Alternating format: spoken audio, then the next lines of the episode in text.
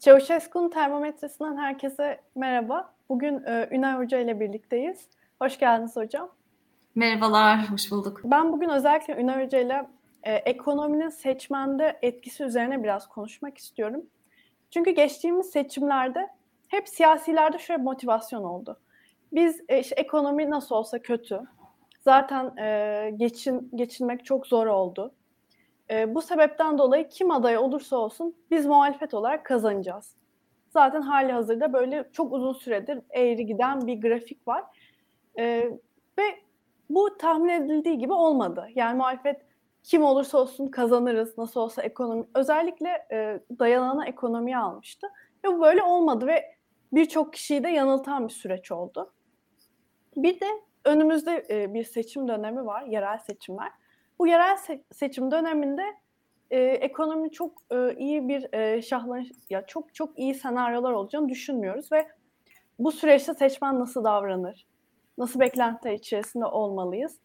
Özellikle bu tarz konuları Ünal Hoca'ya soracağım. İzleyicilerimizi de e, soruları bekliyorum Ünal Hoca için.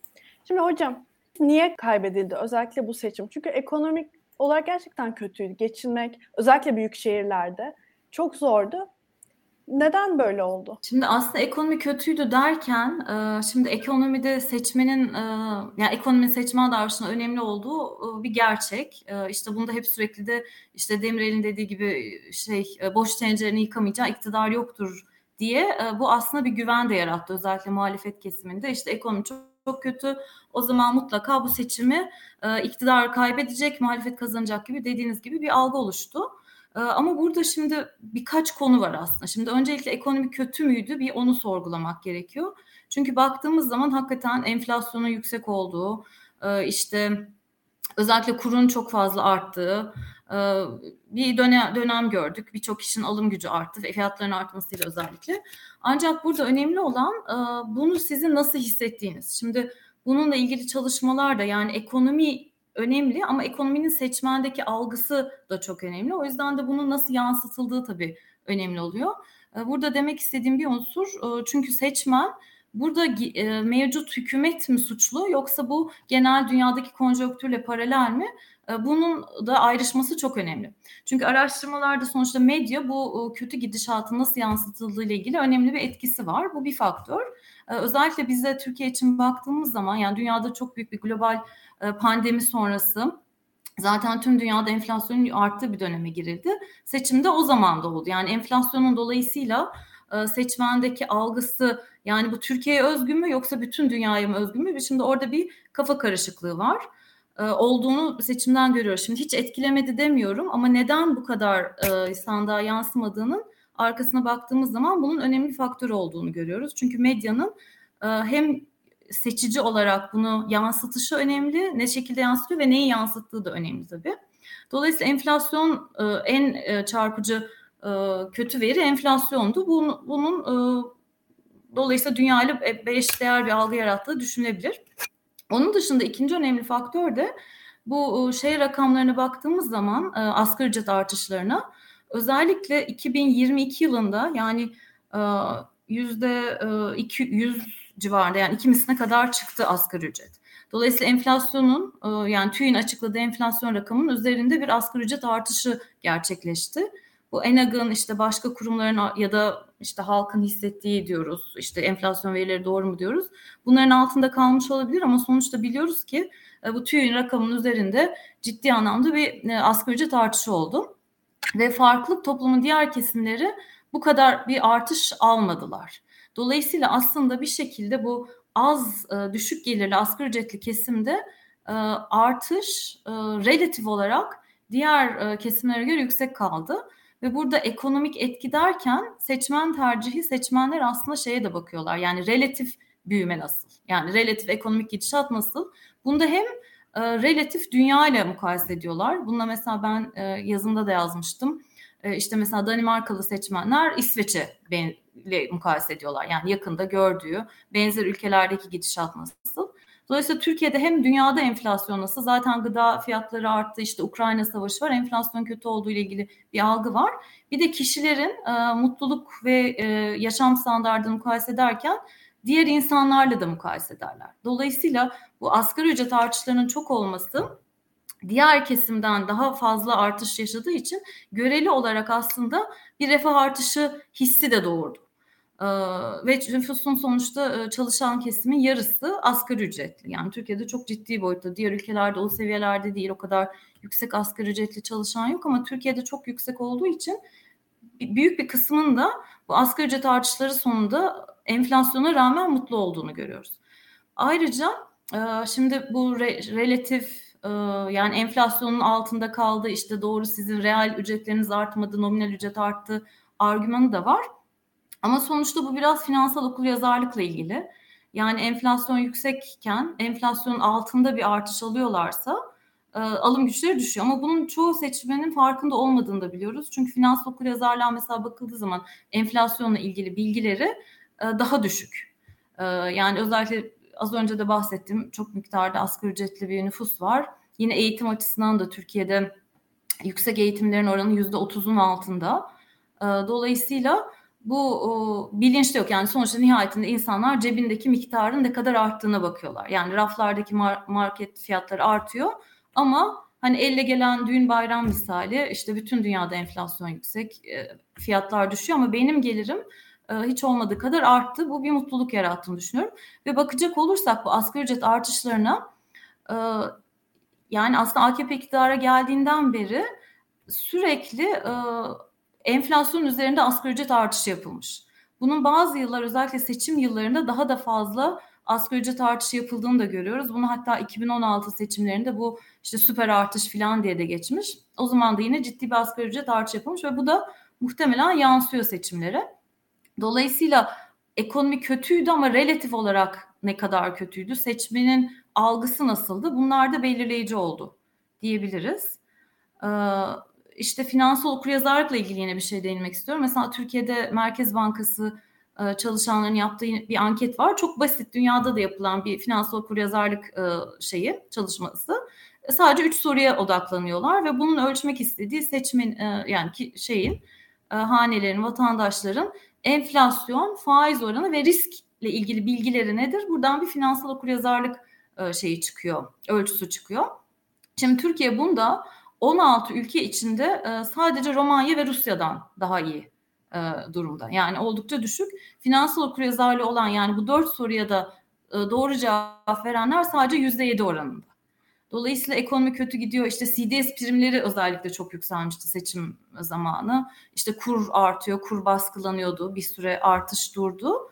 Ama bunu anlayıp çok anlaşılmadığını düşünüyorum. Yani sonuçta yüzde yedilik bir e, finansal okuryazarlıktan bahsediyoruz ve buradaki sorular çok e, temel sorular.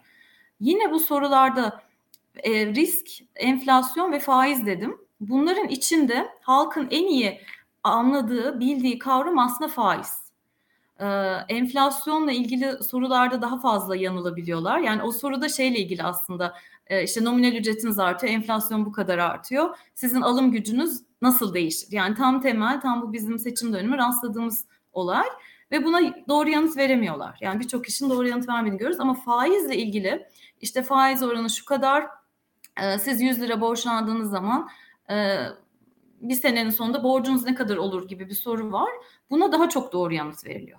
Yani seçmen de dolayısıyla aslında faize odaklanarak bir hani düşük faiz politikası yapalım demenin e, bu açıdan da belki doğru doğru bir tercih yani iktidar açısından e, doğru bir şey olmuş olabilir. Yani sonuçta risk enflasyon şey açısı risk enflasyon faiz üçlüsünden en çok halkın anlayabildiği terim e, e, faiz çıkıyor o araştırmaya göre Merkez Bankası'nın araştırmasına göre 2022 yılı araştırması bu.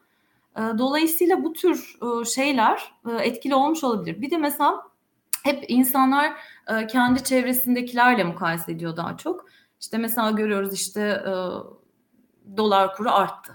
Yine aynı şekilde bu dolar kaç kişinin gerçekten e, şeyini etkiliyor. İşte yurt dışına çıkamayan bir kesim var mesela normalde bizim o yüzde ilk yüzde beşlik dilim dediğimiz grup e, daha eğitimli kesim. Onlar bundan özellikle daha fazla muzdarip oluyorlar ve do, muhtemelen yakınlarda da onları görüyorlar ama bunun bir fiil e, etkilediği grup kesim Türkiye'de çok daha az, çok daha az bir nüfus. Dolayısıyla bu tür hani ekonomi gerçekten mi kötüydü, ne kadar mı kötüydü gibi bir soru var. Şimdi devam edeyim isterseniz. Bir ikinci önemli konu da yani bunu yana bırakacak olursa bir de ayrıca şu da var hani ekonomi kötü diyoruz ama veriye baktığımız zaman tüketici güven endeksi bu seçimden önceki özellikle Mayıs ayında 91 gibi yani e, o düş, düşüyordu 2018 e, yıllarında sonra ciddi anlamda çok yükseldiği bir dönem yani hatta en tepeye geldiği zamana denk geliyor. Dolayısıyla tüketici güven endeksine bakınca öyle e, tüketicilerde çok büyük güven kaybının olmadığı bir zamana denk geliyor e, şey seçimler. E, dolayısıyla yani yine bu asgari ücret gibi genel algının çok da olumsuz olmadığını görüyoruz. Gerçek şeyin eski, et, e, aksine. Çünkü bunda da özellikle bu 2022 ortasından itibaren yapılan politikalar bu ekonomideki gidişatı, negatif gidişatı oldukça geri döndürmeyi başardı. Yani işte kurdaki artışı da düşürdüler, enfla, e, asgari ücret artışları yaptılar ve bir şekilde güven geri tahsis edildi. E, bu bir konu. Yani gerçekten ekonomi o kadar kötü müydü? Yani ona sadece güvenerek e, o gidiş kötü gidiş durduruldu diyebiliriz. Relatif olarak çok kötü değildi. Bir ikinci konu da şimdi araştırmalar bu seçmen davranışını işte Demirel'in sözüne gelmek istiyorum. Boş tencerenin hakikaten yıkamayacağı iktidar yok mudur? Ee, şimdi bu doğru. Hakikaten ekonomi kötüyken e, şey ruling party diyoruz. İktidardaki partinin değiştiği, işte seçmenin cezalandırdığı, ekonomi iyiyken de tekrar ödüllendirdiği e, bununla ilgili birçok çalışma da var. Ama burada bir unutulmuş bir konu belki. Bu çalışmalar sonradan e, bakılınca aslında bu daha çok yeni iktidarlar için geçer. Yani ilk kez seçiliyor bu iktidar ve seçmen onu o dönemki performansıyla değerlendiriyor ve orada bir teste tabi tutuluyor gibi. Ama bizim için e, baktığımız zaman 2002'den beri e, yönetimde olan bir hükümet var. Dolayısıyla ve aynen araştırmada onu diyor ki 10 15 seneden sonra artık seçmen oy davranışında ekonominin etkisi kalmıyor. Yani çünkü zaten geçmiş seçimlerden, geçmiş dönemlerden artık ekonomiyi nasıl yönetecek buna karşı bir güven oluşmuş ya da güven oluşmuyor. Dolayısıyla seçmen davranışında bu ekonomik etki için bu 10 yıl e, özellikle kritik. Bizim de aynı şekilde seçmen yani zaten bir algısı vardı muhtemelen. Bu son periyottaki işte ekonomik kötü gidişattan da çok fazla sorumlu tutmadığını düşünüyorum. Yani bunun bir etkisi olmuştur muhtemelen. Ee, ve ondan sonra ne önem kazanıyor? Yani o iktisat e, iktisadın önemi dışında artık zaten bir aidiyet kimliği oluşuyor. Yani seçmenle lider arasında, parti arasında bir e, özdeşleşme, aidiyet duygusu oluyor ve onu kırmakta zor. E, dolayısıyla seçmen davranışı artık böyle bu şeylerden çok etkilenmiyor. Kararsız seçmen üzerinde daha fazla etkili olması mümkün. Ama kararsız seçmen için de işte zaten orada çok kısa bir oydan bahsediliyor. E, orada da yine ekonomiye gidişte bir belirsizlik var ve bir tarafta performansını bildiğiniz bir iktidar var. Diğerinde bir bilinmezlik. Orada da bizim yani benim bunlar biraz yorumlarım hani literatür okumalarından e, çıkardım. E, bu negativity bias dediğimiz bir durum var. Yani negatiflik etkisi. Yani kötü olaylar daha fazla etki doğuruyor. Kötü olaylar ya da bilinmezlik. Dolayısıyla bir tarafta bildiğiniz 22 yıldır bildiğiniz bir hükümet, bir tarafta da bir bilinmeyen risk alma duygusu. O yüzden onun da kaç, kaçırma e, gerçekleşmiş olabilir. Çünkü nitekim geçmiş dönemlerde AKP özellikle 2002'den itibaren e, politikalarıyla hem zaten Türkiye'nin e, yüksek büyüme yarattığı bir dönem oldu. Kişi başı gelirin e, ilk yıllarında özellikle çok arttığı bir dönem oldu. Ayrıca en önemli kazanım da bu düşük ücretli kesimlerde yoksulluğun azalması ve gelir eşitsizliğinin de azalması. Ee, yine e, bu, bu 2018'e kadar özellikle e, poverty rate dediğimiz yoksulluk oranlarında hızlı bir düşüş oluyor. E, gelir eşitsizliği çok azalıyor. E, mesela asgari ücret de 2002 yılında 100 dolara karşı geliyorken e, bu son asgari ücret artışıyla şu anda be, 2023 yılında 500 dolara çıkmıştı. Dolayısıyla relatif olarak bir kazanç kazanç var ve zaten ilk yıllarında genel ekonomideki bir büyüme yaratmış bir partiden de söz ediyoruz. Dolayısıyla e, bu yeni ekonomiye bakıp son 2-3 yıldan çok geçmişteki performans da belirleyici olduğunu düşünüyorum ben bu durumda. Tabii hiç olmadı değil. Başka bir sürü faktör de var. Hani onlar daha çok siyasi politik, e, işte aday tercihleri falan ama iktisadi yönüne bakacak olursak bence bunlar etkili oldu. Evet hocam yani şöyle size anlatırken fark ettim. Özellikle 10 yıldan sonra bir hükümet kaldı. O artık bildiğiniz hatta bir kimlikleşen bir durum oldu. Bir de mesela şunu düşündüm ben. Mesela Covid zamanı Trump'ın aslında şaş- herkes şaşırdığı bir şekilde aslında oyları artmıştı. Çünkü bir kriz durumuydu. Böyle bir seçmen davranışı olduğu görülmüştü ve bu ekonomik kriz aslında Türkiye'ye bağlanmadı hiçbir zaman. Dünyada yaşanan bir sorunun Türkiye'ye etkisi olarak görüldü. Yani sadece bu hükümet yönetemiyordan çok aslında dünyada durum kötü olarak görüldü. E, şimdi Aynen. yani şimdi şey de düşünüyorum. Mesela e, so, seçimden sonra özellikle şöyle bir fenomen çıktı. Aslında bu ekonomik kriz e, büyük şehirleri daha çok etkiliyor. Küçük şehirlerde e, özellikle kira, konut gibi durumlarda işte hem dayanışmanın daha yüksek olması gibi e, başlıklarla karşılaştırıldı. Siz buna katılıyor musunuz? Gerçekten büyük şehirlerde bunun etkisinin daha çok olması sebebiyle muhalefet daha çok oy almış olabilir mi? Küçük şehirler bu tarz e, krizleri daha hafif mi atlatıyor? Siz nasıl görüyorsunuz? Yani küçük şehirlerde tabii yaşam kolay. Yani e, hayat pahalılığı daha az etkiliyor. Orada e, bir de ge- büyük şehirlerde sonuçta zengin de çok fazla e, relatif olarak özellikle İstanbul, Ankara. Dolayısıyla birçok şeyin fiyatı da artıyor. Ama buna ta- sadece bağlayabilir miyiz? Ben biraz daha çok bunu eğitimle de e, özdeşleştiriyorum aslında. Yani çünkü baktığımız zaman eğitimli kesimde daha fazla e, muhalefete verenler oldu. Ama İstanbul örneğine baktığımız zaman İstanbul'da hayatın daha zorlaşması, İstanbul gibi büyük bir kent hayatın pahalılaşması o da mümkün. Evet ona katılıyorum yani e, daha e, acı oldu yani şeyin ekonomik zorlukların hissedilme derecesi büyük şehirlerde daha zor oldu. O da muhakkak öyle olmuştur evet. Bir de ayrıca da büyük şehirlerde tabii şey de yine o dediğim şekilde relatif gelir durumu da yani bir yanda çok zenginler de oluyor. Çünkü ekonomi yani ister istemez aslında şu son yıllara baktığımız zaman iş gücünün aldığı pay da azalıyor ve çok daha küçük bir kesimin iyice zenginleştiğini görüyoruz. Bunun görünürlüğü de büyük şehirlerde daha fazla. Onun da etkisi olmuş olabilir ama dediğinizde katılıyorum. Yani büyük şehirlerdeki e, şeye bakacak olursak halkın e, zorluk çekme şeyi daha fazla muhtemelen. Evet. O da yansımış gibi görünüyor. Evet aynı şekilde.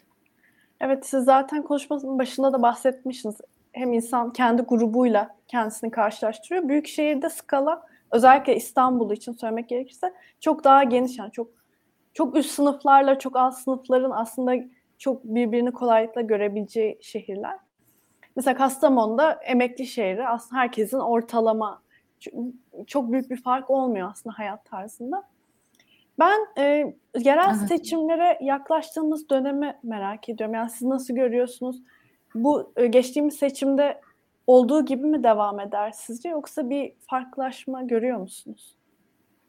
Biraz daha siyaset sorusuna giriyor ama şimdi e, ekonomik olarak çok belirsizlik var tabii. E, yani işte şimdi faiz oranları artıyor, enflasyonla mücadele yapılıp ekonomide bir durgunluk mu yaratılacak? Bunun sonucu e, işte halkta alım gücünde daha fazla düşüş olur, bu negatif etkiler mi gibi iktisadi e, birçok bir bilinmezlik var ama tabii ki yine beklenti e, zaten bu e, tahminlerde de gördüğümüz bu enflasyonla mücadelenin daha çok 2024'de dün ikinci yarısına yayılacağı şekilde. Dolayısıyla seçime kadar çok büyük bir kemer sıkma olmayacağı tahmin ediliyor. Dolayısıyla bu gidiş mevcut gidişatın devam edeceğini anlıyoruz.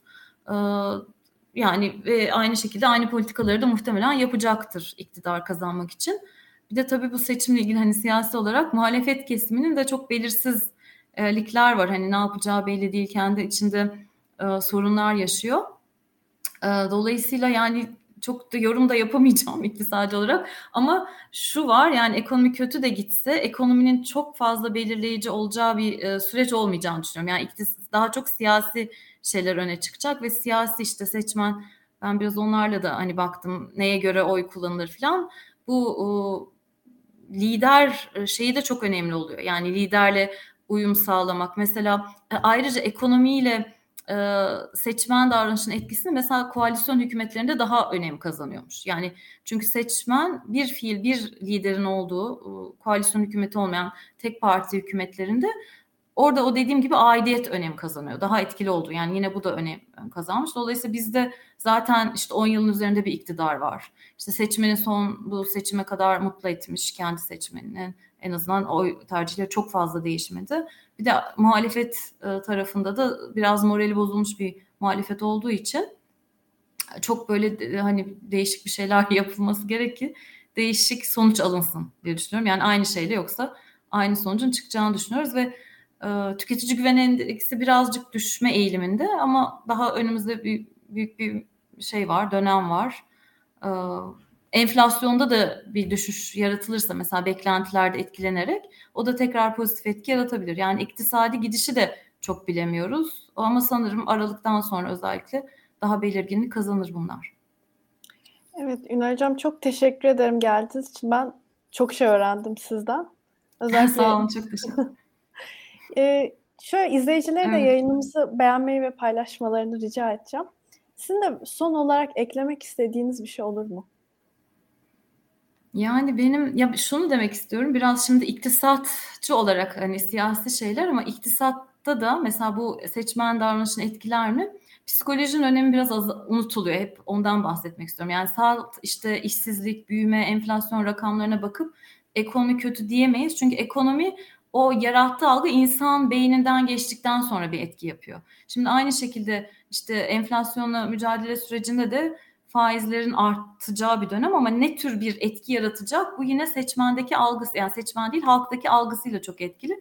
Anlaşılmayan kesi, kısmı bu. Yani bunu tam iktisatçılar da anlayamıyorlar. Çünkü bizimki sosyal bilim psikolojiyle insan davranışıyla çok etkili. Dolayısıyla biz net şu olur diyemiyoruz. Demek mümkün değil iktisatta. İktisatta mümkün değil. Aynı şekilde seçmen davranışına da mümkün değil. O yüzden şu önümüzdeki dönem için e, işte yeni Merkez Bankası Başkanı değişti. Yeni bir orta vadeli program açıklandı. Bunun yatırımcılara nasıl Türkiye açısından cezbedecek mi falan. Bu tür hep her hepsi bir e, algıyla da çok ilgili. Seç, e, halktaki e, ve yabancılardaki, yabancı yatırımcılardaki algıyla da çok ilgili. Dolayısıyla bunu biz aynı şekilde seçimde de gördük. Bu unutulan kısım e, yorumlarken de hep bunun unutulduğunu düşünüyorum. Yani ekonomi kötü, oy kaybedilecek dendi. Orada bir insan faktörü, algı faktörü olduğunun e, ekonomi de olsa yani ekonomi pozitif bilim gibi algılanıyor bazen. Öyle olmadığını hatırlamakta fayda var. Bir tek onu eklemek istiyorum. Evet. Evet yani bir tek e, ekonomiyle olmuyor. Hem sosyoloji hem ek, yani siyaset, psikoloji hani her şey biraz iç içe. Yani tek tek bir veriye evet. bakarak anlamak çok zor toplumu. İktisatta da eskiden hep şey diye başlardı işte esüme rasyonel bir insan kabul edin. Yani iktisadi modeller hep rasyonel bir insan işte optimize ediyor, kendi karını maksimize ediyor, işte alım gücüne bak bakıyor ama öyle değil. Yani bizim çünkü etkilendiğimiz çok farklı şey var ve bu az önce dediğim o relatif gelir. Yani siz fakirleşiyorsunuz belki ama herkesin fakirleştiği bir ortamda siz bir miktar daha fazla zenginleşiyorsunuz. Bu size mutluluk da yaratabiliyor. Dolayısıyla aslında insanlar öyle o kadar rasyonel değil, farklı yanılgıları, algıları var. Sonuçta ekonomide de aynen ekonominin yorumlanması ve bir politikanın ekonomik etkisi halkı nasıl, davranışın nasıl değiştiğiyle ilgili. O davranış da işte e, kişilerin nasıl algıladığıyla e, biçimleniyor. O algı yönetimi çok önemli. Bizim işte çok iyi anlamadığımız bu irrasyonel davranış dediğimiz psikolojinin içine girdiği tarafı da o. Ama iktisatta çok e, önemli. Çok e, en büyük şeylerden birisi o. E, bilinmezlerden diyeyim. Evet yani medya stratejileri de bu süreçte çok etkili oldu. İşte kişilerin etki yani bunlar hepsi birbirinin içine giriyor. Şimdi e, Ruken Kaya izleyicimiz şöyle bir yorumda bulunmuş. E, siyasette güven, istikrar ekonomiye direkt yansıyor. Hocam bu kadar kesin mi bu? Yani tabii ki yani, e, hemen böyle kesin bir e, şey söylemek mümkün mü yoksa etki eden küçük şeylerden biri mi? Şimdi ekonomik karar verirken yani ister tüketici ister firma yöneticileri olsun e, buradaki şey e, belirsizliğin olmaması. Yani bu siyasi güven aslında sonuçta geleceğe yönelik bir güvensizlik yarattığıyla ilişkili. Yani bir firma e, sahibi işte yatırım yapacak, yeni bir fabrika kurmak istiyor mesela ya da yabancılar getirip gelip Türkiye'de yeni bir iştirak kuracaklar. Burada geleceğin politikası nasıl olduğunu bilememek e, asıl sorun yaratan konu. Siyasi güven bu şekilde ekonomiyi etkiliyor. Ya da işte kanunlar değişecek mi? Biz buraya girdiğimiz zaman işte mesela vergiler aynı mı kalacak? İleride değişecek mi? Bu tür şeyler dolayısıyla siyasetin ekonomi etkisini görüyoruz ve evet e, oldukça etkili. Yani sonuçta bildik bizim öngörülebilir bir e, siyasi politika ve dolayısıyla bu da ekonomi politikasını etkiliyorsa ekonomide de daha e, daha iyi bir, geliştiğini görebiliyoruz ama bu aslında şey yani sadece tabii bir de onun yanında e, siyasi güven derken işte huzursuzluklar, savaşlar bu ortamda hiçbir şirket, e, firma çalışmak istemez. Bu yönlerden e, fi, stabil bir ülke, istikrarlı bir ülke tabii ki ekonomisi de büyüyen bir ülke demek. Onlar iç içe dolayısıyla ve zaten bütün iktisat araştırmalarında da mutlaka bir financial stability dediğimiz finansal istikrar e, değişkeni konur. Yani büyümeyi çok etkileyen bir faktör. Her zaman da pozitif bulunan, significant bulunan bir faktör. Ayrıştırmak evet. mümkün değil. Evet hocam. Ee, bu arada sizin de e, çok güzel bir yazınız olmuştu kararda. Ee, evet, da, ben bu yayından öncesi... Bu konularla biraz, ilgiliydi zaten evet. E, biraz o yazıları okuyup da çalışıp geldim. İzleyicilere de tavsiye edeyim. E, çünkü... Seçimle ilgili yine evet. ya çünkü mesela ben e, siyaset bilimi eğitimi aldım. Ekonomi anlamak ve iyi ekonomi anlatan insanları bulmak hep kolay olmuyor. Hocam sağ olun siz de çok güzel anlatıyorsun. Yani anlamak e, uzman olmayınca zor olabiliyor. Tamam yok. Ee, şey pozitif işte hep ayrıştıran şey mühendisler özellikle bunu iki kere iki dört gibi düşünüyorlar. Şey olmasının sebebi bu yani tahminler niye tutmuyor? E, tahminler tutmuyor çünkü orada insan faktörü var. İnsanda unpredictable, tahmini çok zor ve bir tür işte biasları var, var olduğu için. Yani bir anda aşırı tepki verebiliyor, ters tepki verebiliyor. Ee, işte krizler falan o yüzden çıkabiliyor. Yani ne diyoruz bakmayacak bir banka bile batırabilir insanlar onu batacağına inanırsa. Dolayısıyla ekonomide de öyle. Yani şey güven, tüketici güveni çok önemli. Bireysel davranışın. Evet evet. Hocam birazcık da sizin alanınıza dair bir soru sorayım hemen. Madem bu konu üzerine biraz durduk. Yani mesela şu an biraz e, ekonomide davranış bilimleri bu alana mı kaydı? Yani e, birazcık daha sosyoloji, hani psikoloji ortak çalışmalar arttı mı geçmişe göre? Şimdi geçmişe göre artan işte iktisatta önceleri e, bu matematikselleştirme, bunu pozitif bilme getirme e, amacı vardı. Bunu biz matematiksel yapalım yani ispatlanabilir bir şekilde. Zaten pozitif bir bilim, hani sosyal bilimler içinde e, pozitif bir bilim olarak kabul edilen tek dal. Dolayısıyla çok matematiksel ve işte rasyonel işte rasyonel bir e, birey hayal ediyoruz. Bu karını maksimize ediyor. Firmalar karını maksimize ediyor. Böyle ideal bir dünyada bütün modellemeler bu şekilde yapılıyordu. Son 10-20 yıl diyeceğim hatta en fazla o kadar. Artık bu davranışsal iktisatın da önem kazandı ve bizim bu heterojen e, bir, bireyler dediğimiz modellemeleri de geçildi. Yani iktisat biliminin kendi içinde modelleme farkı oluştu ve dolayısıyla bu psikolojiyle birlikte iç içe çalışmalar yapılıyor. Öyle bir fark var. Bir de onun dışında bu özellikle verinin önem kazanması işte e, bir sosyal medyadaki mesela o internetin artması, bilişim hızının artmasıyla artık internette tüketici davranışını çok anlık takip edebiliyorsunuz. Yazılan yazıları bu e, metin tarayıcı e, araçlarla analiz etmek mümkün. Dolayısıyla iktisat sadece ekonomiyle değil artık sosyoloji, psikoloji, siyaset bilimi hepsi bir matematiksel e, analiz şeyi kazandı. Hmm, özelliği kazandı. Bunda da daha çok yani iktisatçılar o alana da girdiler gibi. Böyle joint birlikte çalışmalar çok yapılıyor. Alanı çok geniş yani iktisatı o yüzden e, sosyal bilimlerde de mesela çoğu araştırma political e, economist dediğimiz politik iktisatçılar yapıyorlar. İşte gazeteleri taratıp gazetedeki mesela algı e, anlayışı diye işte son diyelim seçim dönemi son 3 ayda gazetelerde iyi haber mi daha çok kötü haber mi daha çok bunların seçim sonuçlarına etkileri.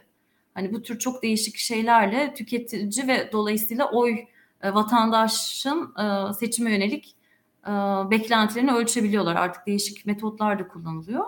Dolayısıyla evet iktisatta bir değişiklik oldu ve bunlar iç içe girdi. Yani psikoloji, sosyoloji bu her şey. Bir de tabii bilimle artık daha fazla farkında da olabiliyorsunuz. Yoksa bunlar farklı alanlarda işte sosyolojinin ekonomiden farkı, farkındalığı olmuyordu. Şimdi birlikte e, çalışmalar yapılıyor. Bunları çok görüyoruz. Evet aynı şekilde. E, bir şey diyecektim de neydi ben de unuttum bu e, relatif. Ay hatırlayamadım. ee, eklerim. Ee, birazcık da izleyici yorumlarını e, okumak istiyorum. E, hazır sizi bulmuşken. Hmm. Okur yazarlık, bu Muharrem Palaz bir yorum yapmış. Okur yazarlık veya düşünebilmenin en düşük olduğu bir ülkede ekonominin kötü gidişi nasıl yorumlanmasını bekleriz.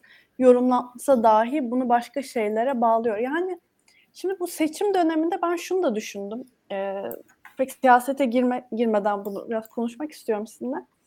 Şimdi çok e, gerçekten önemli ekonomistlerimiz var. Hepsi televizyonlara çokça çıktı, birçok açıklama yaptı ama mesela bunun yani ekonomi kötü, kötü bir işte şu şu kararlar e, kötü bir e, sonuç doğuracak diye çok açıklaması yap, yapıldı. Şimdi düşününce aklıma geliyor. Yani bunun okur yaz, ekonomik okur yazarlığının düşük olan bir ülkede çok da fazla bir etkisi var mıydı diye düşünmeme de sebep oldu.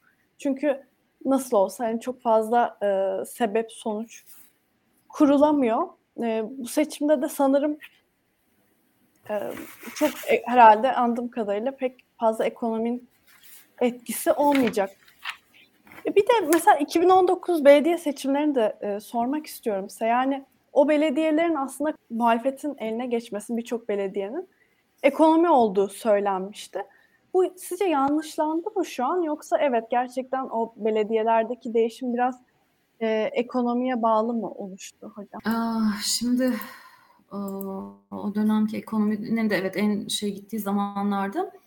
Şimdi dediğim gibi sadece ben hani daha çok o yazımda da ekonomi kısmına değindim. Yani aslında ekonomi dışında birçok farklı faktör de var. İşte bu son seçimlerde mesela işte medya, deprem faktörü vardı ee, o yardımlar bahsediyoruz. Mesela birçok kişi 14 milyona yakın kişi sosyal yardım alıyor. Bu tür şeyler çok etkili. Belediye seçimlerinde de aslında e, mesela ben Ankara'dayım. Ankara'da bazı e, hani adaya karşı da bazı şeyler olduğunu düşünüyorum. Yani çok ekonomiyle ilgili miydi? Onu yani bir miktar artık seçmenin bıkması da olabilir bence. Yani ekonomi açıkçası tam onu hiçbir şey yorumlayamayacağım sadece ekonomiyle ilgili demek için. Ama az önceki soruyla ilgili hani okur yazarlığın az olduğu bir yerde ekonomi önemli midir? Ona katılıyorum. Bir de ekonominin farklı boyutları da seçmenleri farklı etkiliyor. Mesela emekliler için aslında hani ona, ona da aslında bakan çalışmalar var. Ee, işte enflasyon en çok emeklileri etkilediğini bulmuşlar. Yani seç, seçmen açısından yani grupları ayırırsak çünkü sonuçta enflasyona karşı en çok ezilen de hakikaten emekliler. Bu dünyada da öyle olmuş. Çalışan kesim daha çok e, işsizlik ve işte bu ücretlerden etkileniyor. Dolayısıyla grup grup ekonomi de yani tek bir ekonomi yok. Ekonominin çünkü e, farklı göstergeleri grupları da farklı etkiliyor. Dolayısıyla aslında iyi bir seçim analisti, seçim stratejisi belirleniyorsa ve burada da önemli kritik olan şey yine kararsız seçmene odaklanmak. Çünkü diğer seçmenlerin daha çok e, yani takım tutar gibi diyeceğim. Yani ama bu ispatlı bir şey. Yani çok fazla değişmiyor sonuçta. Bir aidiyet oluşturuyorlar. Ee, o yüzden o kararsız seçmende siz kimi hedefliyorsunuz, hangi kitleyi hedefliyorsunuz, bunlar hangi göstergelerden etkileniyorlar, bunların ayrıştırılması özellikle önemli. Mesela e, bu işte politik e, siyasi kampanyaların yine hedef kitlesi kim olmalı? Kimleri siz kendinize en iyi anlatırsınız, onlardan ne çok, onun kadar oy alırsınız. Yani aslında çok detaylı analiz yapılması gereken konular. Çünkü böyle geniş kitleye yaydığınız zaman hem o kişiye gitmiyor hem de etkiyi yapmadığı ı görülüyor. Görülmüş yani çalışmalar, bununla ilgili farklı çalışmalar var. Yine burada enflasyonla ilgili de aslında ilginç bir şekilde enflasyon yüksek olduğu yerlerde enflasyon etkisi daha fazla. Ama bizim ülkede o kadar etkilemedi gibi gör, görüyoruz. O yine ben onu asgari ücrete bağlıyorum. Bir de bunda da enflasyon duyarlılık mesela Avrupa ülkelerinde de çok fazla. Çünkü orada özellikle bu Almanya'da enflasyon na karşı bir şey var. Ee, böyle tüyleri diken diken edecek bir enflasyon deneyimi var Avrupa özellikle Almanların. Orada mesela enflasyon yükseldiği dönemlerde özellikle bu e, seçimleri iktidar partisini kötü etkileyebiliyor. Dolayısıyla geçmiş seçmenin geçmiş tecrübeleri de önemli. Yani neye karşı daha duyarlılar, neye hassaslar. Ve o negatif algıdan dolayı da mesela bizim işte bu son seçimlerde işte deprem mesela deprem gibi bir şey olunca negatif dediğimiz yani insanlar daha fazla risk algısı oluyor, daha güven arıyorlar e, ve pozitif bir vaatten çok e, negatif şeye karşı insanlar daha çok tepki verebiliyorlar. E, risk çünkü risk averse yani pozitif bir şey mi önerirsin yoksa şunu seçersen çok kötü bir ceza, bunu seçersen çok büyük bir ödül. İnsanlar aman ceza olmasın, hani ödül de olmasın tercih edebiliyorlar. Bu da yine işte seçmenin e, psikolojik algıyla ilgili konular. Dolayısıyla e, yani şu önümüzdeki dönem belediye seçimlerinin ekonomi etkisi var mıydı çok onu bilemiyorum o açıdan. Ama farklı e, seçimin algıları mutlaka önem kazanıyor. Hocam çok teşekkür ederim geldiğiniz için. Sağ olun, ben teşekkür ederim. Çok teşekkürler. Sizi Bakalım, ileride de ağırlamayı çok isterim. Çok teşekkürler. Takip ediyorum ben de. Sizin güzel, çok güzel yayınlarınız oluyor. Katkı verdiğim için de çok memnunum. Sağ olun. İyi akşamlar. İyi akşamlar. Şimdi Burak Hoca gelecek yayınımıza. Onu daha güncel siyaseti konuşmak istiyorum. Özellikle e, İyi Parti'nin e, İzmir Belediye Başkan adayı e, Ümit Özdağ'la olacağı açıklandı. Şimdi bu konu şöyle benim ilgimi çekti hocam. Ee, İzmir aslında CHP'nin en belki de iddialı olduğu e, şehirlerden biri. Fakat mesela ben e, İzmirli bir aileden geliyorum. Hep şöyle bir durum oldu. Evet işte her seçim e, Cumhuriyet Halk Partisi'ne verildi. Ama hiçbir zaman ben hizmetlerden memnun kalındığını görmedim. Şimdi İyi Parti özellikle Ümit Özer'le baktığımda profil olarak İzmir'in e, seçmen profiliyle çok ters düşen hatta uyumlu bir profil. E, iddialı bir giriş yapabilir mi İzmir'de? Siz nasıl görüyorsunuz hocam? Bir şey insan bir nasılsın iyi misin diye sorar. Yayına bağlanır bağlanmaz. Böyle si- siyasete bağlı. Baba gibisiniz yani. hocam size evet, çok iyiyim. iyi gördüm. Çocukları iyi uyuttum, iyiyim. Ee, bir, bir şey daha söyleyeyim. Habertürk yayınını reddedip Daktilo 1984 yayınına geldim bugün. Ee, benim için çok daha önemli bir şey tabii ki. Bunu aksatmamamız lazım. Ee, siyaset konusu da ilginç. Yani İyi Parti'nin ve ittifakın geleceği açıkçası konuşulması gereken konular.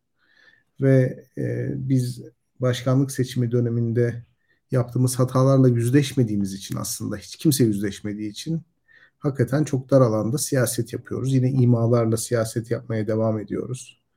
Bu çok iyi bir şey değil maalesef. Ee, başkanlık seçimi ve altılı masa mekanizması hakikaten muhalefetteki o birliktelik ruhuna çok zarar verdi. 2019'un çok uzağındayız. Çok çok uzağındayız. Öncelikle onu söylemek gerekiyor. 2019'da İyi Parti'nin ve CHP'nin çok yakın bir işbirliği vardı. Çok sarsılmaz bir diyaloğu vardı ve iki partinin birbiriyle rekabet içinde olduğu, iki, iki partinin birbiriyle imalı ve dolaylı yollardan konuştuğu pek görülmüyordu. Ee, mükemmel bir uyum vardı. Onu söylemek lazım 2019 senesinde.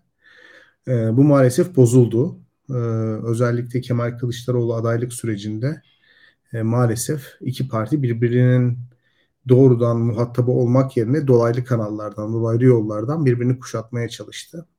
Ee, yani Kemal Bey altılı masayı kurarak ve dört küçük partiye aslında e, CHP listelerinden kontenjan vererek bir anlamda e, Cumhuriyet Halk Partisi Genel Merkezi'ndeki görüşleri dört küçük partiye söyletti ve sanki kendi iradesi dışında muhalefetin büyük çoğunluğunun böyle bir görüşü varmış da kendisi buna uyuyormuş gibi bir performans sergiledi.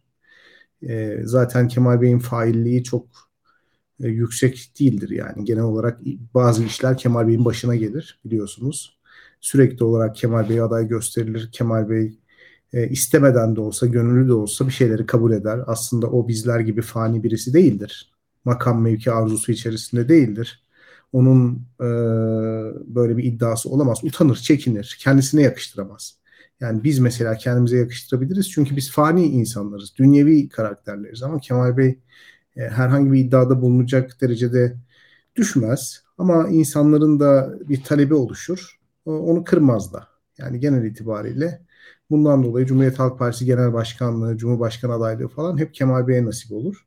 Ancak tabii bu böyle değil. Yani e, kendisini aday gösterecek, kendisini bir şekilde seçecek komiteleri de Kemal Bey seçtiği için dolaylı olarak olarak kendisini işaret etmeden doğrudan kendisini işaret etmeden dolaylı olarak kendisini işaret etmeyi ve bir, bir anlamda sorumluluktan kaçmayı ve siyaseti açık e, bir şekilde e, e, yapmamayı tercih ediyor. Onu söylemek lazım. E, dolayısıyla başkan adaylığı sürecinde İyi Parti ile doğrudan muhataplık kurmak yerine ki o doğrudan muhataplık aslında Kemal Bey'in aslında aklında başka bir aday olsa gayet mümkün olabilirdi. Ama kendi olduğu için doğrudan muhataplık kurmayarak işte diğer aktörleri harekete geçirerek medyayı, Cumhuriyet Halk Partisi kontrolündeki e, işte sivil toplum gruplarını, dört küçük partiyi falan bunları harekete geçirerek böyle bir atmosfer yarattı. Öte taraftan Tabii Meral Akşener'in de e, Cumhuriyet Halk Partisi üyesi iki belediye başkanı üzerinden ilerlemeye çalışması, yani Kemal Bey'i onlarla kuşatmaya çalışması da Cumhuriyet Halk Partisi'nde büyük bir e, kızgınlık yarattı. Böylece iki parti arasındaki güven aslında kayboldu. Zaten 3-6 Mart arasındaki krizi biliyoruz. E, böylece İyi Parti de çok oy alamadı. E, muhalefette seçimleri kazanamadı. Ama tabii bununla yüzleşilmediği için e, ve önümüzde de bir yerel seçim olduğu için herkes ittifak konuşuyor ama başkanlık seçiminde neyin yanlış yapıldığı konusunda bir tartışma yürütülmediğinden dolayı aynı usuller olduğu gibi devam ediyor. Yani ben bakıyorum imalı konuşma kültürü devam ediyor. Cumhuriyet Halk Partisi'nde değişim isteyenler bile Kemal Kılıçdaroğlu'nun ismini ağızlarına almıyorlar. Yani Kemal Kılıçdaroğlu ismini e, telaffuz etmek sanki büyük bir günahmış sanki büyük bir kabahatmiş, sanki büyük toplum kesimlerini ayağa kaldıracakmış gibi sürekli olarak Kemal Kılıçdaroğlu'na işaret eden ancak Kılıçdaroğlu'nun ismini telaffuz etmeyen bir kültür oluştu Türkiye'de. Bunu Ekrem Bey de yapıyor, Meral Hanım da yapıyor. Yani kimden bahsettikleri belli ama Kemal Kılıçdaroğlu şu hataları şu şekilde, şu aktörlerle yaptı diyemiyorlar. Yani niye, niye diyemiyorlar onu da bilmiyorum yani. Biz Süleyman Demirel'lerin, Bülent Ecevit'lerin, işte Erbakanların, e, Türk eşlerin falan olduğu bir siyaset ortamında aktörler birbirlerini son derece doğrudan eleştiriyorlar. Hatta hiç bu kadar geriye gitmeyelim. Tayyip Erdoğan'ın ve Devlet Bahçeli'nin de aslında açık açık isim vererek başkan adayının kim olması gerektiği, Cumhuriyet Halk Partisi'ni kimin yönetmesi gerektiği konusunda beyanatlar verdiğini görüyoruz. Nedense muhalefette Cumhuriyet Halk Partisi içerisinde ve İyi Parti'de bu iki partinin ilişkilerinde böyle mistik, gizemli, sanki bir şekilde Kemal Bey'in ismi telaffuz edilirse büyük bir büyü bozulacakmış gibi bir hava var. Buna da anlam veremiyorum ve aynı şekilde devam ediyorlar yani. E, dolayısıyla hani başkanlık seçim sürecinde, aday belirleme sürecinde mevcut ittifaktan, müzakere sürecinden çok verim alamamış bir iyi Parti var ve dolayısıyla daha verimli bir pazarlık yürütmeye çalışıyor.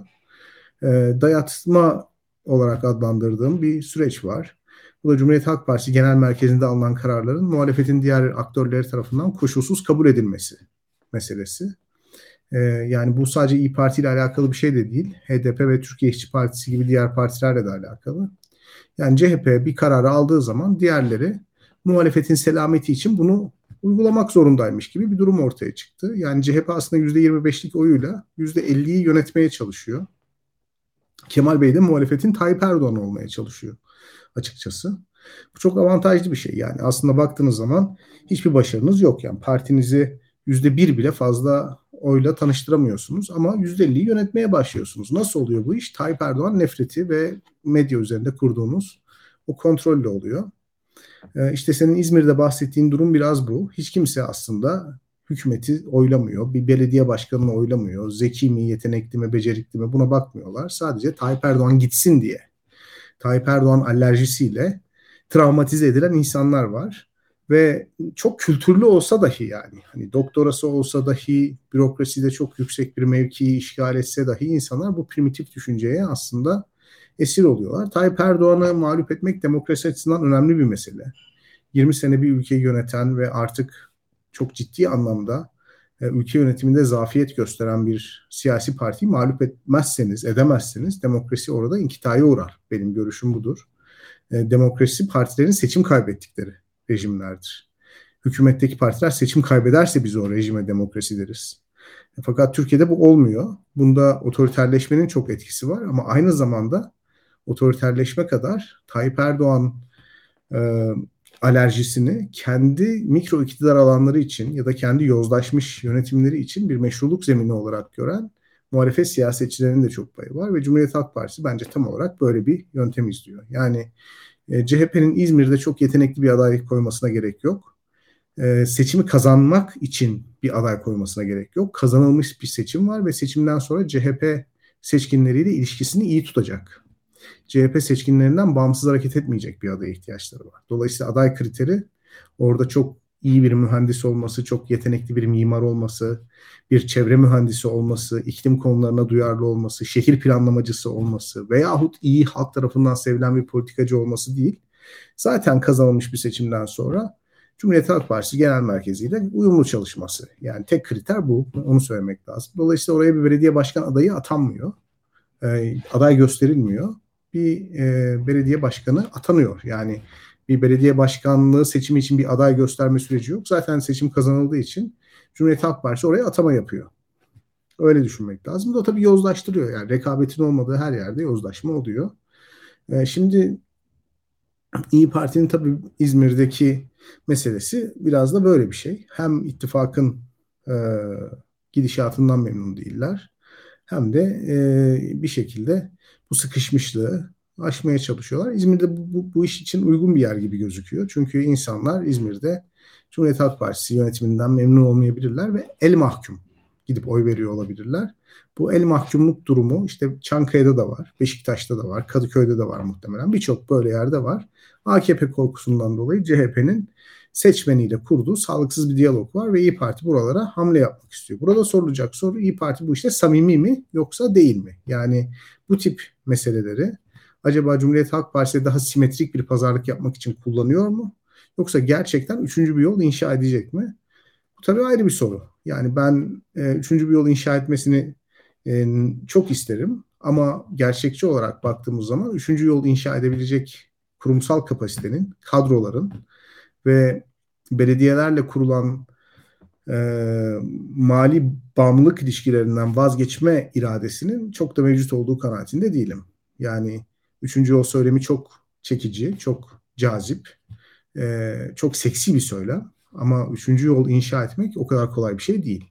Bir kere elinizin tersiyle hem e, hükümetten hem muhalefetten gelen bütün teklifleri itmeyi, o ekonomik kaynakları bir şekilde gözden çıkartmayı e, kabul edeceksiniz. Bunu göze alacaksınız. İkincisi e, dikotomiler oluşturacaksınız. Karşıtlıklar oluşturup kendinizi daha merkez, daha makul bir noktada sürekli olarak konumlayacaksınız. Bunu da sürekli yapacaksınız. Yani tek bir söylem üzerinden gitmeyeceksiniz.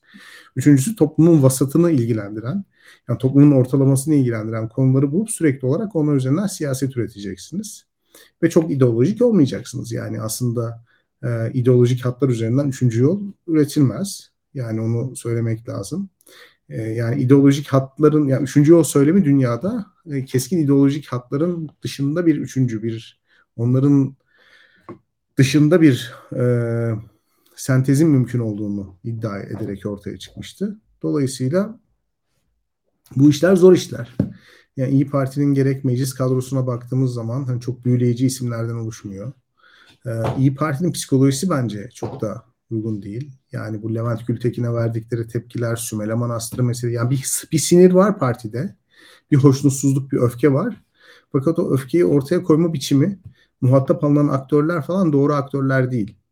Yani üçüncü yol biraz daha makulü temsil etmek zorunda. Çünkü o üçüncü yol aslında diğer kutupların marjinalleştirilmesi üzerine kuruluyor. Onları marjinal kabul ediyor. Toplum aslında size ihtiyaç duymuyor. Toplumun gerçek ihtiyacı sizin ikinizin dışında bir şey demek zorunda. Ee, İyi Parti'de maalesef böyle bir e, sorun var. Yani Akşener'in aslında siyasetçi olarak kafasında üçüncü yolun nereye tekabül ettiğine dair bir fikir var. Ama sadece Akşener'le olacak iş değil bu yani. Partinin genel olarak buna hazır olması gerekiyor e, maalesef İyi Parti'de çok fazla isim göremiyoruz. Yani yetenekli birkaç isim var. Onlar topluma konuşabiliyorlar. E, fakat genel itibariyle partinin e, böyle bir kurumsal kapasitesi yok. Mesela partinin basın bürosu yok. Yani baktığınız zaman e, seçim süreci boyunca büyük bir medya operasyonu yedi. Hiçbir şey yapamadı. Seçimden sonra buradan çıkarttığı ders ise kim ağzını açarsa açsın büyük bir hoyratlıkla adamların üstüne saldırmak. Şimdi bu bir medya stratejisi değil kabul ederseniz ki. Yani susmak ve saldırmak arasında aklı başında bir şekilde, aklı selimle, makul bir şekilde derdinizi anlatmak, tane tane söylemek var. Bunu mesela kurumsal eksikliğe bağlıyorum ben. İkincisi partinin strateji konusunda e, çok ciddi sorunları olduğu kanaatindeyim. Yani söylem bütünlüğünü sağlama konusunda. E, yine 3-6 Mart'ta İyi Parti'nin içeriden çöktüğünü gördük. Yani 2 Mart gecesi e, masadan kalkmayı canı gönülden destekleyen neredeyse herkes anlıyoruz ki şu anda 3-4 kişi haricinde pazartesi sabahı pes etmişti. Yani ellerinde Twitter toplum ne diyor diye oradaki bubble'a bakıp paniğe kapılan bir siyasetçi profilinden bahsediyoruz. Yani bu böyle olmaz. Dolayısıyla e, o üçüncü yol söylemi iyi ama İyi Parti nereye kadar bunu sürdürebilecek gerçekten çok emin değilim. Şimdi eğer sürdüremeyecekse ve bunun farkındalarsa e, o zaman yani bu İzmir Belediye Başkan adaylığı veya 81 ilde kendi adayımızla çıkıyoruz söylemi aslında pazarlığı yukarıdan açmak ve e, bir şekilde seçimler yaklaştıkça daha simetrik bir pazarlık süreci işletmek amacı taşıyor Cumhuriyet Halk Partisi ile. Evet yani şimdi şöyle e, kurum kurumsal olarak da zor bir süreç. Yani çünkü sadece sandıkların İyi Parti adına korunması bile bir şey. Çünkü önceden ittifaklar vardı. Daha belki görece organize bir süreçken bütün yük tek başına İyi Parti'ye kalıyor bu süreçte. Ya ama bir de şöyle büyük bir fırsat da var aslında. Çünkü şu an muhalefetin e, tırnak içerisinde birazcık daha çöküşünü görüyoruz. Yani sonuç olarak doğru düzgün muhalif liderler ortada yok. Böyle dönemlerde sıyrılmak belki de çok evet, büyük evet. bir fark Yani bence yarat- büyük bir fırsat teptiler. Dört ay boyunca sustular. E, yani merkez siyaset susmaz. Devamlı konuşmak zorundasınız. Yani böyle her konuşmanız tarihin akışını değiştirecek bir konuşma olmak zorunda değil. Yani 1980 darbesinden sonra biliyorsunuz Ecevit köşe yazısı yazarak siyaset yaptı. Demirel Ankara'daki yazanelerde eski arkadaşlarını toplayarak siyaset yaptı. Yani e, böyle susarak e, siyaset yapılmaz. E, aktif bir şekilde süreçte nelerin yanlış yapıldığını falan söylemek, üzerine düşünmek gerekiyor. E, yani siyasi liderlerin bir derinlikle hareket etmesi gerekiyor. E, ve bunu yapabilseydi eğer ve doğrudan Kemal Bey'in aslında bu sürecin faili olduğunu söyleyip toplumda Kemal Kılıçdaroğlu'na karşı huzursuzluk yükselmişken belediye seçimlerinde belki ittifak yaparız düşüncesiyle e, temkinli davranmasaydı veyahut Kemal Bey'e dokunmadan başka şekilde memnuniyetsizliğimizi belli edip tabanın öfkesini e, yatıştıralım gibi bir politikaya meyledilmeseydi aslında sert bir şekilde 14 Mayıs'tan sonra 15 Mayıs sabahı İyi Parti gerçekten muhalefetin önemli bir e, alternatifi olabilirdi yani. Önemli bir ana muhalefet alternatifi olabilirdi. Bunu tercih etmediler. E, bilmiyorum niçin tercih etmediler ama etmediler. E, yani şu anda halen daha toplum kendisiyle konuşan bir lider arıyor. Yani bugün muhalefetin ihtiyacı olan şey Ankara'da Mansur Yavaş'ın karşısına İyi Parti'nin hangi aday çıkartacağı falan değil. Büyük bir soğuma var siyasetten. Yani farkın farkındayız hepimiz bunun. Ee, ve bu soğuma e, daha da artıyor. Yani bu elitlerin bu tip hesaplarını gördükçe insanlar daha da soğuyorlar siyasetten. Toplumla konuşan birkaç figür dışında kimse olmadı. Sadece siyasetten dedi yani medyadan, anket piyasasında hiç kimse çıkıp özür dilemedi. Halbuki yani ben anlamıyorum yani. Hiçbir yorumcu, hiçbir akademisyen, hiçbir araştırma şirketi sahibi, hiçbir siyasetçi. Yani biz size yalan söyledik. Biz ya da yalan söyledik değil ya işimizi yanlış yaptık. Şu sebeplerden dolayı biz şöyle analiz yaptık ama bunlar doğru değilmiş. Bunu da seçimden sonra anladık gibi bir öz eleştiri yapmadılar yani. Veyahut çok romantik bir dönem yaşadık. Çok bıkmıştık. Duygularımıza yenildik falan. Ya bu, bunlar çok normal bir şey. Ee, yani insanlar e, ya mesela anket şirketleri açık açık yalan söylediler. Yani bunu kabul etmek lazım ve bugün bir tanesi halen daha bana laf yetiştiriyor. Kemal Özkiraz diye bir adam. Halen daha laf yetiştiriyor. Yani son güne kadar Kemal Kılıçdaroğlu'nun %55'lerle 60'larla kazanacağını iddia eden, işini kötü yapan bir insan. Neticede işini kötü yapıyor. Kötü niyetli değilse beceriksiz. Yani bu insanların bir öz eleştiri vermesi lazım ve halen daha siyasi tartışmaların içerisindeler. Ee, yani ben mesela 6 Mart'tan sonra tamamen çekilmiştim hatırlarsan. E, bu başka sebeplerden dolayı uzak kalmayı tercih ettim ama gerçekten eğer seçimi Kemal Kılıçdaroğlu kazansaydı evet muhalefet seçimi kazandığı için sevinip kamusal tartışmadan uzaklaşacaktım. Yani böyle bir şey. Evet hocam yani öz eleştiri de değil yani her kimsenin hayatında hiçbir şey değişmedi. Tabii tabii hiç. Seçmen hiç, dışında. Hiç. Kimsenin hayatında bir şey bedel ödemeyince yani siyasetçiler bedel ödemeyince, akademisyenler, entelektüeller, araştırma şirketi sahibi. Yani bedel ödemiyor adam. Hani birkaç belediye bağlamış oraya anket yapıyor ve parasını kazanıyor. Şimdi dolayısıyla kayıp kazanç bu adamların hayat standartını, gelir durumlarını değiştirmedikleri için yaptıkları iş aslında onların refahıyla bir ilişki içerisinde değil. Kötü de yapsalar refahları sabit kalıyorsa işlerini kötü yapıyorlar. Bedel ödemiyorlar. Yani siyasetçi işini kötü yaptığı için istifa etmiyor.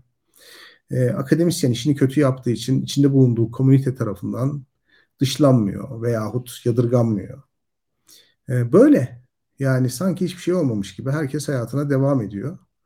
Ee, yani ilginç bir durum yani bu bedel ödeme meselesi yani demokrasi biraz maliyetler meselesi. Maliyetlerin ödenmediği durumlarda insanlar rasyonel davranamıyor. Rasyonel davranamadığınız zaman da e, yani orada başka bir şey devreye giriyor. Yani çok çok seslilik işte ne bileyim farklı görüşlerin temsilinden ziyade orada artık bir tiyatro gibi bir şey oynanıyor yani. Herkesin hayatı olduğu gibi devam ediyorsa kazanma ve kaybetme durumundan etkilenmiyorsa o zaman mevcut durum aslında herkesin tercih edebileceği bir şey oluyor. Ee, yani orada bir iktidar değişimi gibi bir durum amaçlanmıyor demek ki. Orada amaç başka bir şey. Zaten ben bunu 3 Mart'ta da yazmıştım. Yani amaç Kemal Bey'in adaylığıydı birçok insan için. Seçimi kazanmak falan değildi. Onu başardıkları an seçim de bitti. Birçok insan için seçim bitti. Ee, o yüzden bu buradan bir şey çıkmıyor. Açık söylemek gerekirse. Yani kimse bedel ödemiyor. Ee, o yüzden yani mesela o elitlerin bundan sonrasını konuşurken işte e, Ankara'da tek listemi çok listemi ya bunlar siyasetin doğasında olan şeyler ama bundan önce birçok insanın bence bazı bedeller ödemesi gerekiyordu. O bedeller ödenmedikçe e, istedikleri kadar ittifak yapsınlar, istedikleri kadar oy oranlarını alt alta toplasınlar, çıkarsınlar.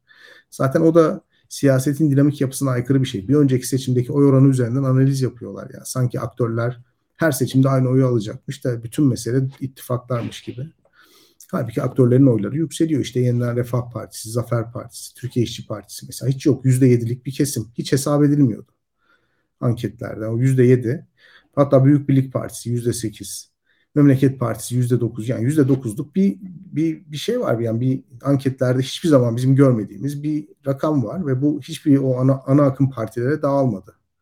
Çünkü siyaset yapıyorlar. Siyaset yaptığı için oylar yükseliyor. Belki yarın düşer, belki daha çok yükselir ama hani hep önceki seçimdeki oylar üzerinden analiz yapıldığı için işte 25 CHP, 12 HDP, 10 İyi Parti, 5 daha gelir 15. Böyle siyaset yapıyorlar. Yani böyle siyaset analiz ediyorlar. Ee, düşse düşse 53'e düşer. ya bu nasıl bir şey ben anlamıyorum. Yani. Topluyor 55, düşse düşse 51'e düşer falan. Böyle iyi bir matematikçi herhalde daha Hayır, iyi olur. Halbuki çok siyaset. net duydum gözlemi ve çok meşhur bir araştırma şirketi sahibinden. Yani diyor ki %55 Tayyip Erdoğan'a oy vermeyeceğini söylüyor. Kemal Bey aday olsa da düşse düşse 52'ye düşer. O yüzden Kemal Bey aday olmalı. Yani böyle bir mantık olabilir mi yani? Düşse düşse. Ya sanki bunun bir şey sınırı varmış gibi yani. Alt sınırı varmış gibi. Öyle yani bedel ödemedikleri için sürekli olarak ittifak konuşuyorlar. Ama insanların ilgisini de çekmiyor yani. Ben mesela aday belirleme sürecinde daha çok linç ediliyordum. Bakıyorum ben hiç son zamanlardan çok zayıf linçler yani. Çünkü toplum artık iştirak etmiyor. Ee, televizyon programları izlenmiyor işte bu YouTube yayınlarının izlenme sayıları düştü. Ee, topluma konuşmadıktan sonra tekrar insanların siyasete ilgisini canlan, canlandıramazlar öyle söyleyeyim. Hocam ama bir de şöyle bir durum var. Yani aday belirlenme sürecinde e, nasıl adaya Kemal Kılıçdaroğlu adaylığına karşı çıkanlar seçim sonrası yine suçlu oldu bir şekilde. Yani siz böyle konuştuğunuz için kazanamadık diye hani hiç değilse bari hakkı Her durumda suçluyoruz. Yani evet. 7 Mart günü de bir insanlar bana tweet atıyordu işte gördün mü kazandık falan diye. 7 Mart'ta insanlar kazandıklarını düşündüler. Ee, bozamadın bu işi falan diye böyle. İki ay boyunca küfür ettiler.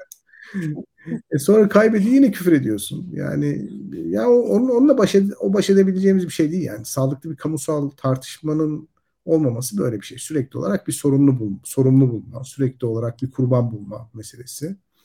Yani ben mesela çok dikkat ettim yani. Şunlardan şunlardan dolayı kaybettik, şundan şundan dolayı kazanırdık falan meselesine e, hiç girme. Yani mesela insanlar işte kazanacaklarına inandılar. Desteklediler. Ne diyelim yani? Kemal Bey destekleyenler de bıktılar bu iktidardan.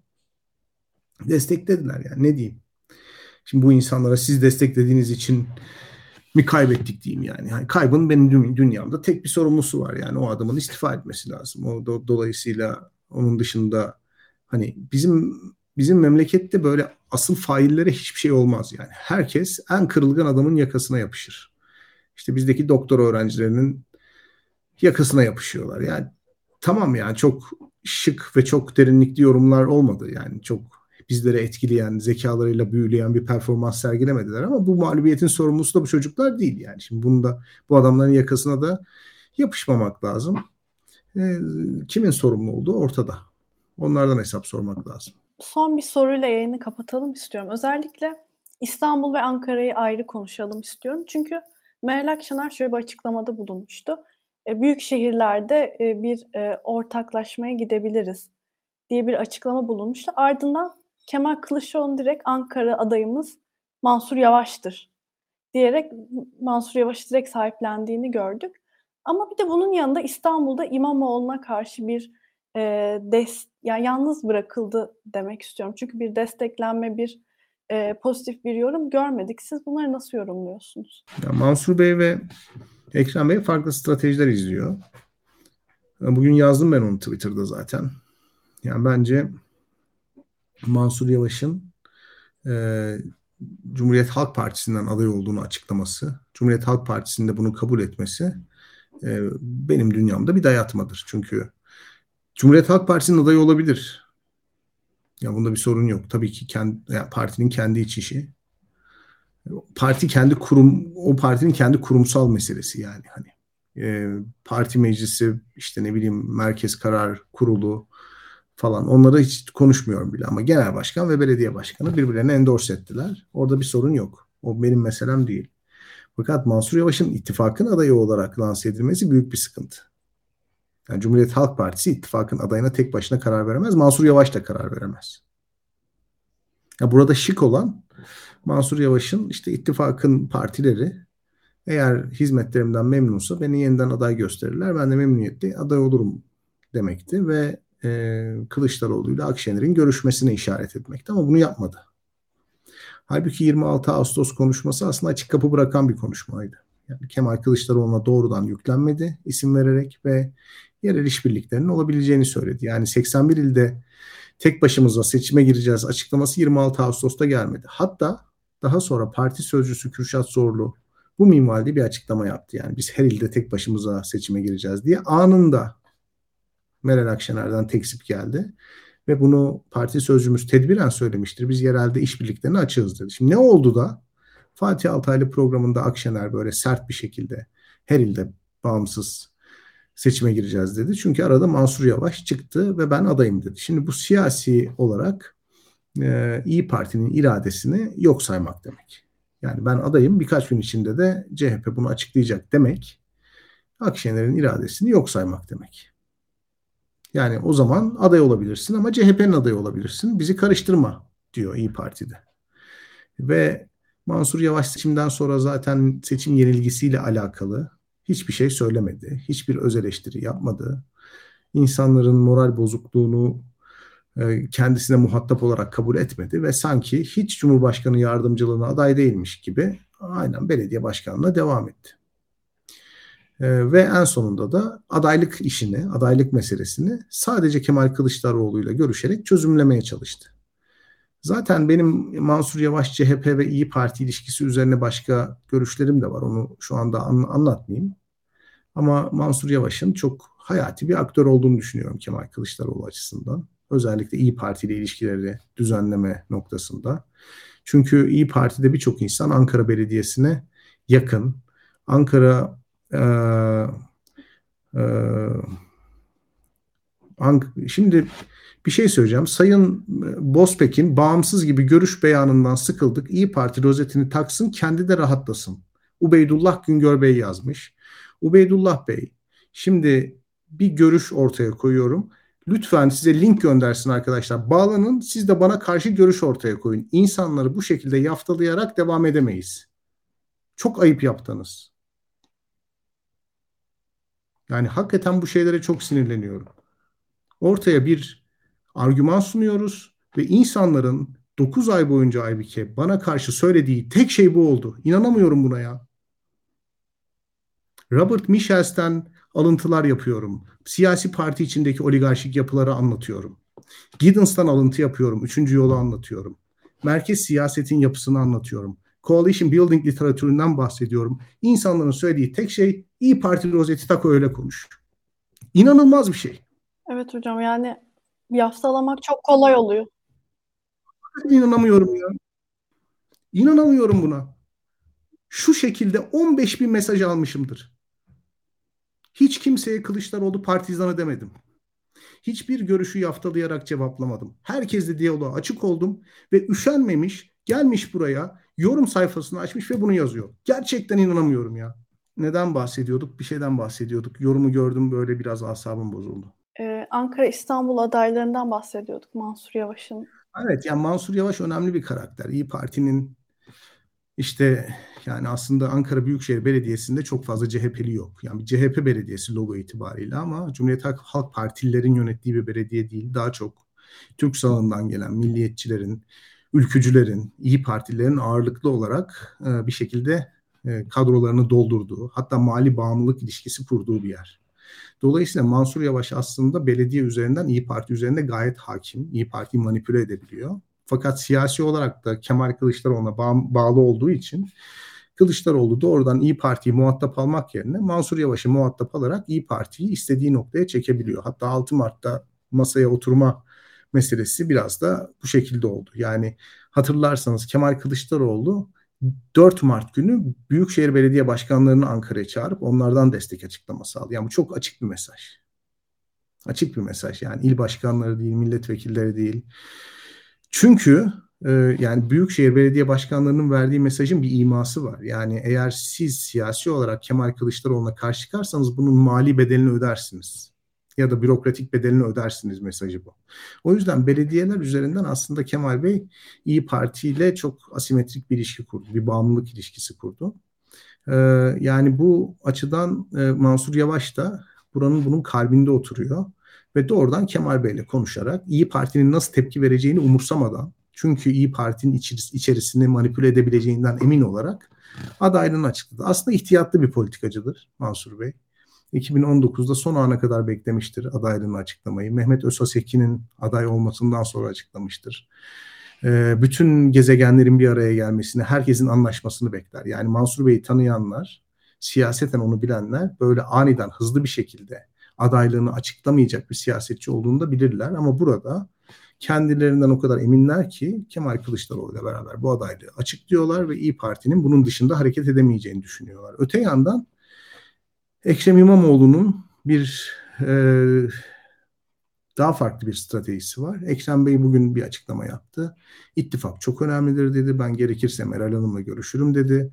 Biz İstanbul İttifakı'nın peşindeyiz. Geleneksel bilindik ittifakları bir tarafa bırakın gibi bir söylem üzerine ilerliyor. Şimdi Ekrem Bey'in başarılı olacağını düşünüyorum.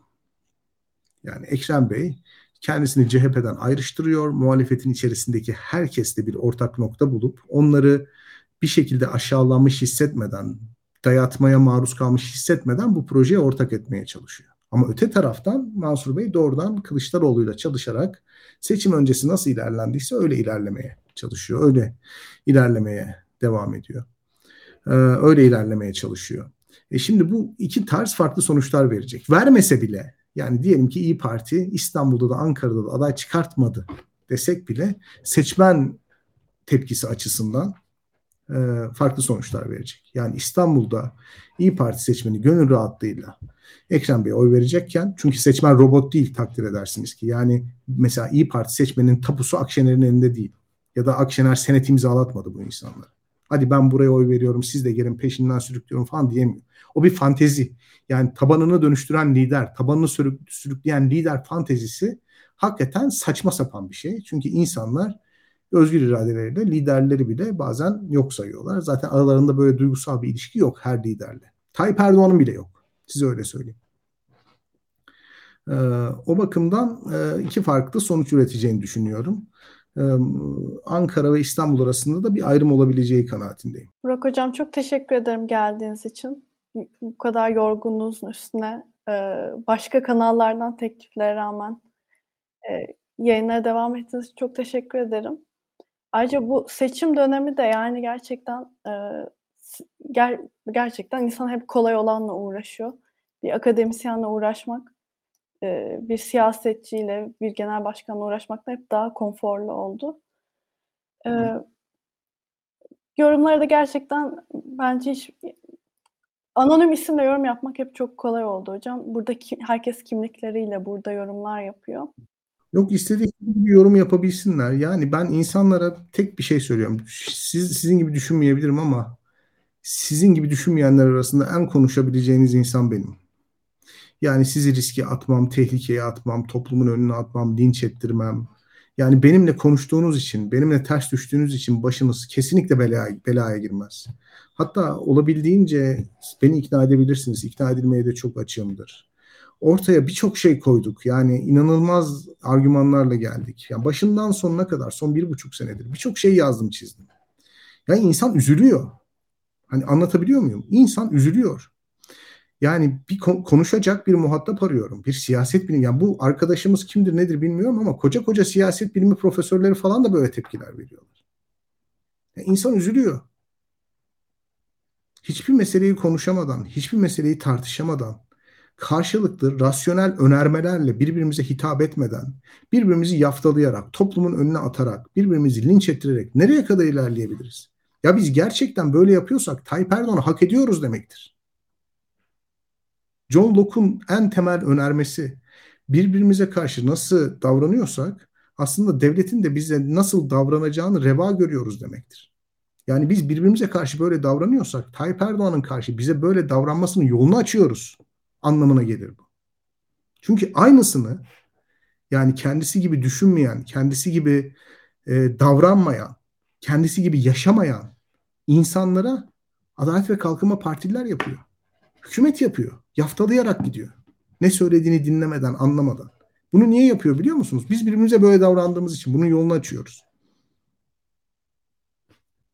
Yani o açıdan üzülüyorum. O açıdan hakikaten yani bu kadar partizanlık insanların gözünü kör etmesin. Ben İyi Parti genel merkezine hayatımda iki ya da üç kere gitmişimdir. Daktilo'daki programda söyledim. Masaya döndüğü andan itibaren Meral Hanım'la herhangi bir telefon bir kere oldu. Alakasız bir konuya. Hiçbir şekilde bir temasım yok. Tamamen sabah çocukları kreşe bıraktıktan sonra Starbucks'ın bahçesine gidiyorum yaz aylarında. İşte sabah can sıkıntısından tweet atıyorum. Öyle planlanmış falan bir şeyim de yok. Yani bir ajandan bir gündemim falan da yok. İşte düşünüyorum aklıma bir şeyler geliyor. Onları yazayım diyorum. Çünkü uzun köşe yazısı yazmaya vaktim de yok. Yani ben anlamıyorum artık. Hakikaten anlamıyorum. Yani İyi Parti'nin içerisinde onlarca siyasetçi var. Birçok çıkar grubu var. Birçok lobi var. Yani hepsi pas geçiliyor. Ortada aklı başında Türkiye siyasetini iyi ya da kötü yorumlayan insanlar var. Bunlar üzerine böyle bir linç kampanyası, böyle bir yaftalama kampanyası. Ya 20 bin kere görmüşümdür şu mesajı ya. İnanılmaz bir şey. Ya bugün akademisyenlerin büyük çoğunluğu Cumhuriyet Halk Partisi, Türkiye İşçi Partisi ve HDP ile yakın ilişki içerisindedir Türkiye'de. Muhalif akademisyenlerin büyük çoğunluğu böyledir. Siz herhangi bir akademisyene sen CHP'lisin, sen tiplisin, sen HDP'lisin denildiğini duydunuz mu? Defalarca söyledim. Ben solcu değilim. Ben sosyalist değilim. Kendimi sağcı olarak tanımlıyorum. Liberalim, serbest piyasa ekonomisine inanıyorum. Toplumsal değerleri ve kültürel ritmin ritmi siyasal otoritenin devrimci bir şekilde değiştirmesine karşıyım. Bunlar benim temel ilkelerim. İslamcı değilim, Türkçü, Turancı değilim ama genel itibariyle evrensel anlamda baktığınız zaman skalanın sağına denk düşüyorum. Dolayısıyla böyle sağcı bir akademisyen görüldüğü zaman, sağcı bir entelektüel görüldüğü zaman ilk defa kadavrayla karşılaşan tıp fakültesi öğrencisi gibi tepki vermemek lazım. Ya da Aksaray'a inen UFO'yu taşlayan köylüler gibi tepki vermemek lazım. Halkı çok ilginç bir şey ya. Ya hiçbir akademisyene, ya benim bildiğim Cumhuriyet Halk Partisi ile doğrudan ilişkisi olan onlarca akademisyen var. Hiçbir tanesine sen CHP'lisin denildiğini duymadım. Ama bu, bu nedir yahu? Ne zaman bir yere çıksak iyi Parti rozetini tak öyle takmıyorum. Hiçbir partinin rozetini takmıyorum. Ama bir fikriniz varsa dinleyelim, konuşalım. Hakikaten artık taciz seviyesine vardı bu. Evet hocam yani meyve veren ağacı taşlarlar diyerek evet. yayını kapatalım. Ee, tekrar çok teşekkür ederim evet. hocam geldiğiniz için. Ben teşekkür ederim dinlediğiniz için. Biraz serzenişte bulundum ama kusura bakmayın yani hakikaten. Öyle. Estağfurullah. İyi akşamlar. Tamam.